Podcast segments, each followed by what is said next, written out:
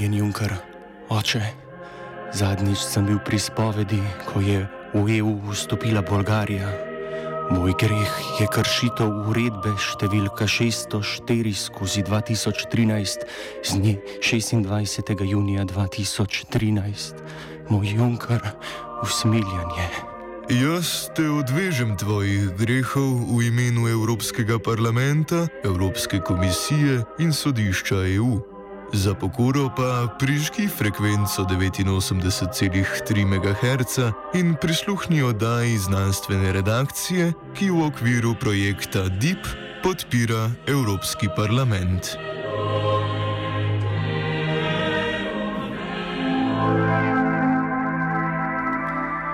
Projekti, projekti.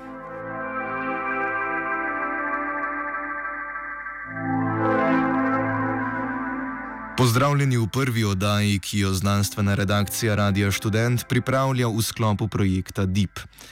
V seriji treh oddaj, ki jih bo v prihodnjih mesecih moč slišati na valovih Radia Student, vam bomo predstavili vpliv evropske politike na razvoj slovenske znanosti. Rdeča nit oddaj na temo delovanja Evropskega parlamenta bodo različni programi ter projekti, ki jih financira Evropska unija in v katere so vključene slovenske raziskovalne ustanove.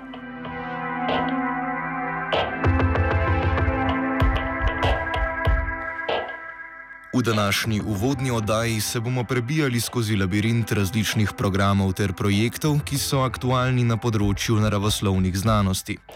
Pogledali bomo, kako se vanje vključuje Univerza v Ljubljani in kaj pomenijo za razvoj znanosti. Skozi celotno oddajo se bomo sprehajali po tako imenovanem Evropskem raziskovalnem prostoru, zato za začetek razjasnimo, kaj ta sploh predstavlja.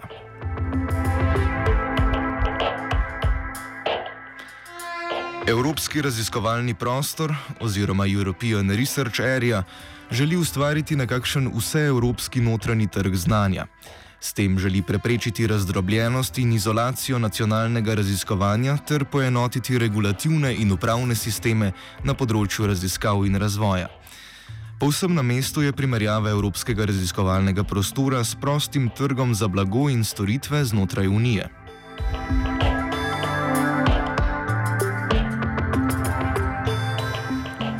Najrazličnejši programi, financirani iz proračuna Evropske komisije na področjih raziskovalne, izobraževalne in razvojne dejavnosti, veliko pripomorejo k širjenju in utrjevanju tega prostora. Predvsem pa to velja za okvirne programe. Ti predstavljajo od 5 do 7 let trajajoče finančne programe, ki vzpodbujajo raziskave in razvoj znotraj določenih področji znanosti. Trenutni program te vrste z imenom Obzorje 2020 se je pričel leta 2014. Za natančnejšo predstavitev okvirnih programov prisluhnimo Staški Mrak Jamnik, vodi službe za evropske projekte na Univerzi v Ljubljani. Glavni namen okvirnih programov za raziskovanje, tehnološki razvoj in inovacije je podpora in spodbujanje raziskav v evropskem raziskovalnem prostoru. Gre za sistem znanstveno-raziskovalnih in inovacijskih programov, ki združujejo sredstva Evropske eh, unije z namenom povečanja konkurenčnosti evropskih raziskovalnih organizacij in evropskega gospodarstva v primerjavi z gospodarstvom Severne Amerike in Japonske, potem povečati gospodarsko rast in zagotoviti nova delovna mesta v Evropi.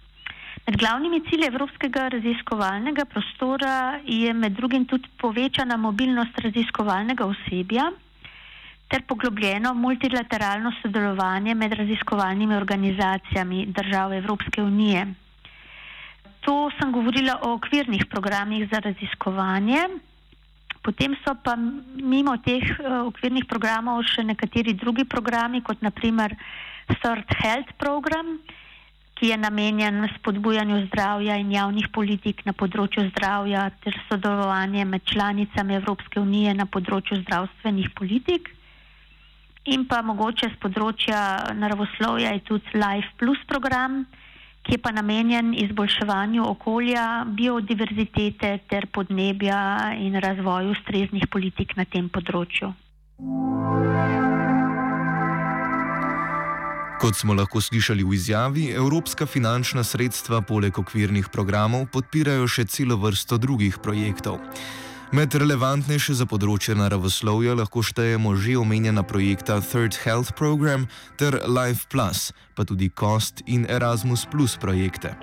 Prisluhnimo vodji Mrak Jamnik. Vzorje 2020 je namenjen raziskovalnemu sodelovanju in inovacijam medtem ko je program Erasmus Plus namenjen sodelovanju in razvoju na področju izobraževalne dejavnosti in izmenjavi študentov in osebja na izobraževalnih inštitucijah. Projekt COST eh, oziroma inicijativo COST, eh, tu gre za medvladni okvir eh, za sodelovanje raziskovalnih organizacij iz različnih evropskih držav na področju znanosti in tehnologije. In v bistvu v tem programu se financira samo mreženje raziskovalnih organizacij in se recimo povrnejo samo stroški poti na skupna uh, srečanja uh, udeležencev v teh kost akcijah.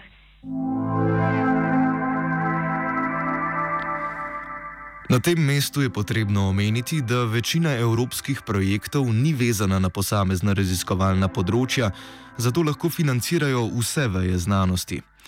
To nam na primeru največjega med njimi, 70 milijard evrov težkega programa Obzorje 2020, razloži Staška Mrak Jamnik.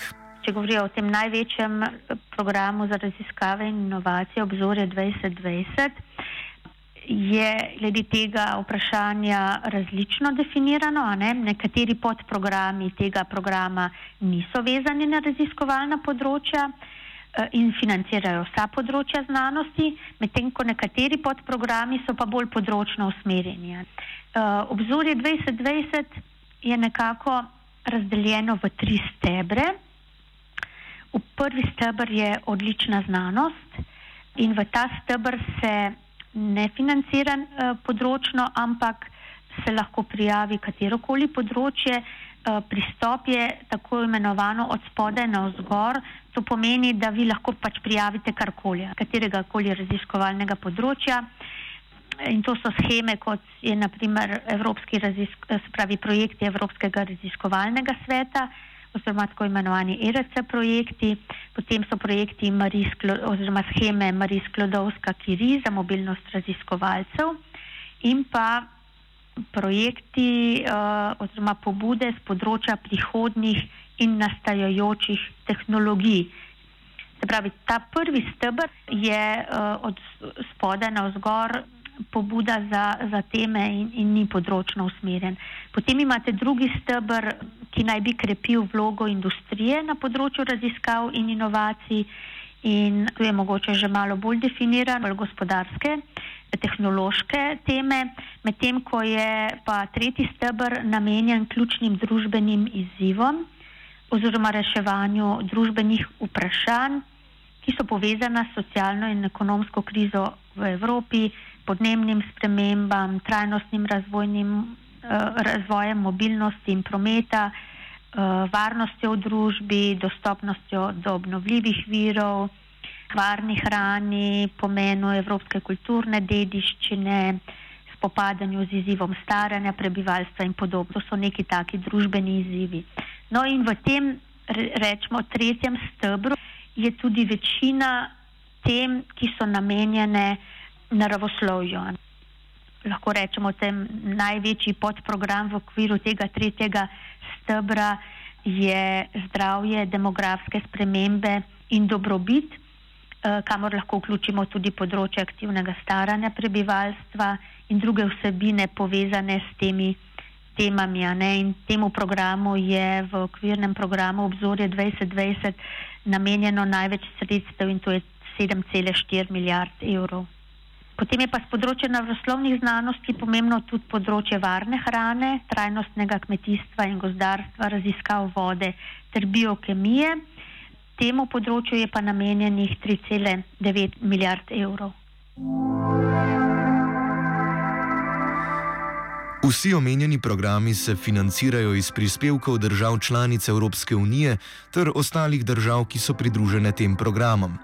Večmilijonski zneski, ki so jim namenjeni, pa veljajo za sedemletno programsko obdobje. Proračuni tekočih programov veljajo za obdobje med leti 2014 in 2020. Kako uspešna je pri pridobivanju financ Univerza v Ljubljani, nam pove Staška Mrak Jamnik.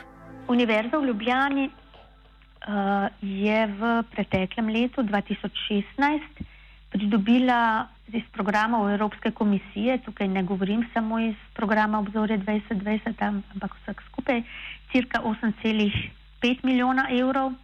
V zadnjih treh letih skupaj uh, pa smo pridobili cirka 31,2 milijona evrov. Uh, samo iz programa Obzorje 2020 in njegovega predhodnika FP7, uh, se pravi sedmega okvirnega programa, smo pa pridobili uh, slabih 9,5 milijona evrov. To nekako predstavlja 3% celotnega proračuna Univerze v Ljubljani, te prispevki iz evropskih sredstev.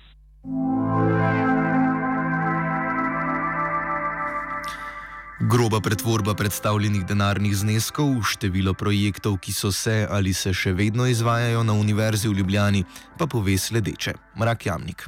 V lanskem letu, se pravi v letu 2016, je na Univerzi v Ljubljani teklo 428 evropskih projektov.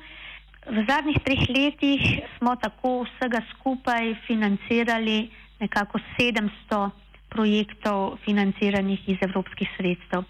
Delež naravoslovnih fakultet je tu kar visok in sicer 35 odstoten. Naravoslovne fakultete Univerze v Ljubljani so dejansko zelo uspešne pri pridobivanju uh, evropskih projektov. Najbolj uspešna med njimi je Biotehniška fakulteta, ki je tudi največja fakulteta Univerze v Ljubljani, sledijo ji tudi medicinska fakulteta, fakulteta za kemijo in kemijsko tehnologijo, fakulteta za farmacijo in tako naprej. Preden pa se neko raziskovalno vprašanje prelevi v projekt o vekovečenju statistikah Evropske unije, je za njegovo financiranje treba navdušiti različne neodvisne strokovnjake. Ti odločajo o razdeljevanju finančnih sredstev med javne in privatne raziskovalne ustanove ter ostale pravne osebe, ki se za nje potegujejo. Zaradi vsakoletnega večanja števila prijav ter močne konkurence tujih raziskovalnih ustanov, uspešnost prijav Univerze v Ljubljani na to vrstne projekte članic pada. Okviren postopek prijave nam oriše Staška Mrak Jamnik. Še različno od programa do programa, ampak večinoma se članice prijavljajo na te razpise v imenu Univerze v Ljubljani.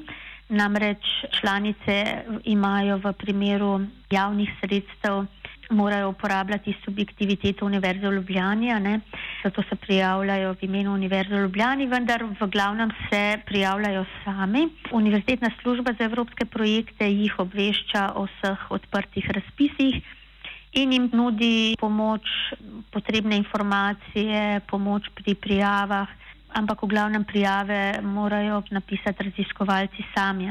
Vsi razpisi so najprej napovedani v delovnih programih in objavljeni na straneh Research Participant portal.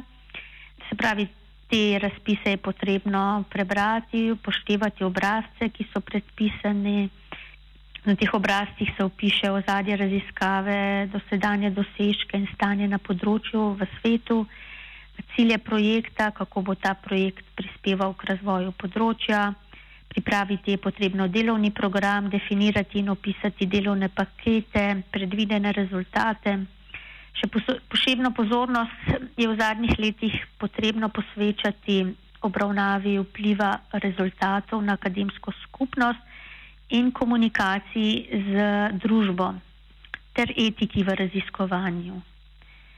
Prijavo ponovadi pišejo vsi partnerji skupaj, a ne celotni konzorci, največje breme pa je ponovadi na koordinatorju. In ko je prijava napisana, jo koordinator da preko portala Research Participant Portal.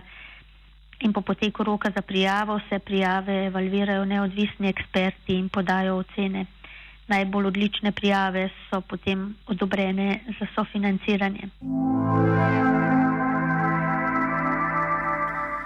Za optimalno delovanje evropskega raziskovalnega prostora večina evropskih projektov promovira mednarodno sodelovanje različnih institucij. Nastale mreže raziskovalnih ustanov, ki sodelujejo znotraj enega projekta, se delijo na ustanovo, ki koordinira celotno izvedbo projekta, ter na partnerske organizacije, ki pri njem sodelujejo. Znotraj vseh projektov, pri katerih je od leta 2001 naprej sodelovala Univerza v Ljubljani, so bile njene članice koordinatorke dobrih desetih odstotkov vseh projektov. Zadolžitve koordinatorjev projektov nam razloži Staška Mrak Jamnik. Na koordinatorju je veliko breme že na začetku, ker mora konstituirati konzorci, voditi prijavo projekta in načeloma potem tudi koordinator odda prijavo. Potem v fazi pogajanj z Evropsko komisijo oziroma ob podpisovanju pogodbe vodi pripravo vseh potrebnih podatkov in pogodb, vključno s konzorcijsko pogodbo. V fazi izvajanja projekta pa je koordinator odgovoren za vodenje projekta v skladu s programom dela, razdeljevanje finančnih sredstev ter poročanje Evropski komisiji. Vsak partner pa je odgovoren za svoj del raziskovalnih nalog in za poročanje o nastalih stroških. Seveda vsi partnerji preko svojih predstavnikov sodelujejo v upravljanju projekta in so na koncu tudi solidarno odgovorni za eventualno neizvedbo oziroma izvedbo aktivnosti. Ampak eh, na koncu lahko rečemo, da ima koordinator predvsej več dela kot vsak posamezen partner, ne? predvsem zaradi te celovite vloge, ki jo nosi v okviru tega projekta. Navigiranje po evropskem raziskovalnem prostoru ter programih, ki omogočajo njegovo delovanje, predstavlja kompleksno nalogo, polno birokratskih preprek ter evropskih formalnosti, ki jih je potrebno upoštevati pri pridobivanju evropskih sredstev za raziskovalne projekte. Prav tako veliko število smernic sledi širši evropski politiki, usmerjeni v slabo definirane in dvoumne pojme trajnostnega razvoja in sonaravnosti.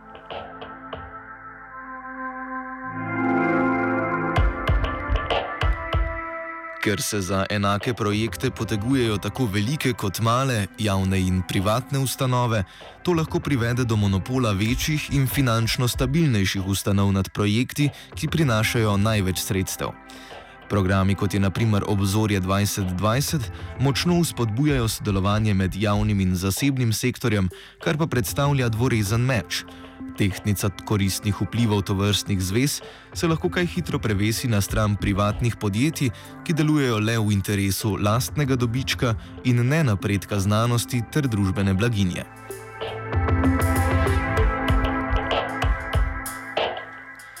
Po drugi strani pa ti isti evropski projekti povezujejo ogromno število evropskih znanstvenikov in znanstvenic, ki prek izmenjave znanja in medsebojne pomoči prihajajo do odkritij, ki brez takšnega sodelovanja ne bi bila mogoča.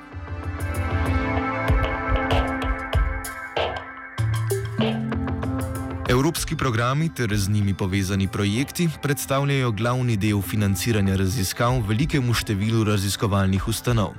Kako je s tem na Ljubljanski univerzi, nam pove Staška Mrak Jamnik. V Sloveniji v okviru visokega šolstva v bistvu nimamo drugih sredstev za financiranje raziskovalnega dela kot preko kompetitivnih domačih evropskih in mednarodnih razpisov. Zato je vloga tovrstnih projektov izredno velika. Znana je um, ugotovitev neke analize, da je odličnost in uspešnost raziskovalnih organizacij sorazmerna z nacionalnimi vlaganji v znanost. Eh, glede na zmanjšanje nacionalnih sredstev za znanost v zadnjih letih v Sloveniji je Univerza v Ljubljani uspešno iskala sredstva za financiranje eh, raziskovalnega dela v Evropski uniji in je bila tako že v sedmem okvirnem programu po številu projektov celo najboljša raziskovalna organizacija iz držav EU13, se pravi novih držav članic. Tudi v programu Obzorje 2020 je na samem vrhu glede števila projektov in glede finančnih sredstev. Se pa vseeno kaže eh, slabo nacionalno financiranje znanosti v zadnjih letih, saj vedno bolj zaostajamo za EU razvitimi državami in uh, dejansko pozdravljamo uh, napovedano povečanje nacionalnega financiranja znanosti.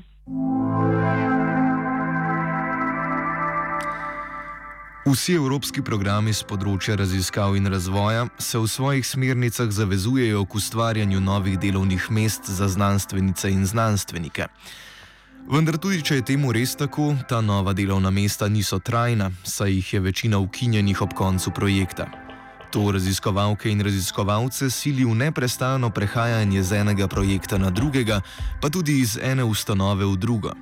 Njihovo delovno učinkovitost pa predstavlja zmožnost pridobivanja evropskih sredstev in ne raziskovalno delo samo.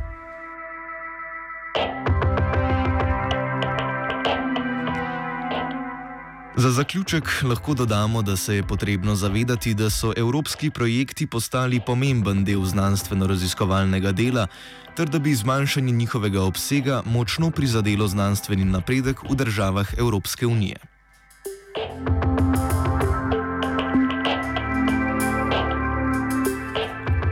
V letu 2018 znanstvena redakcija Radia Student za vas pripravlja oddaje, v katerih si bomo pobliže ogledali nekatere izmed tovrstnih projektov.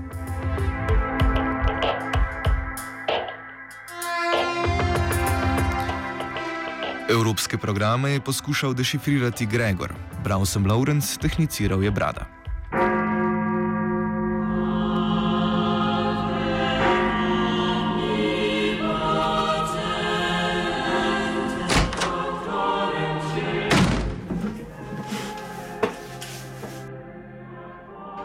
Hvaljen Junker, oče.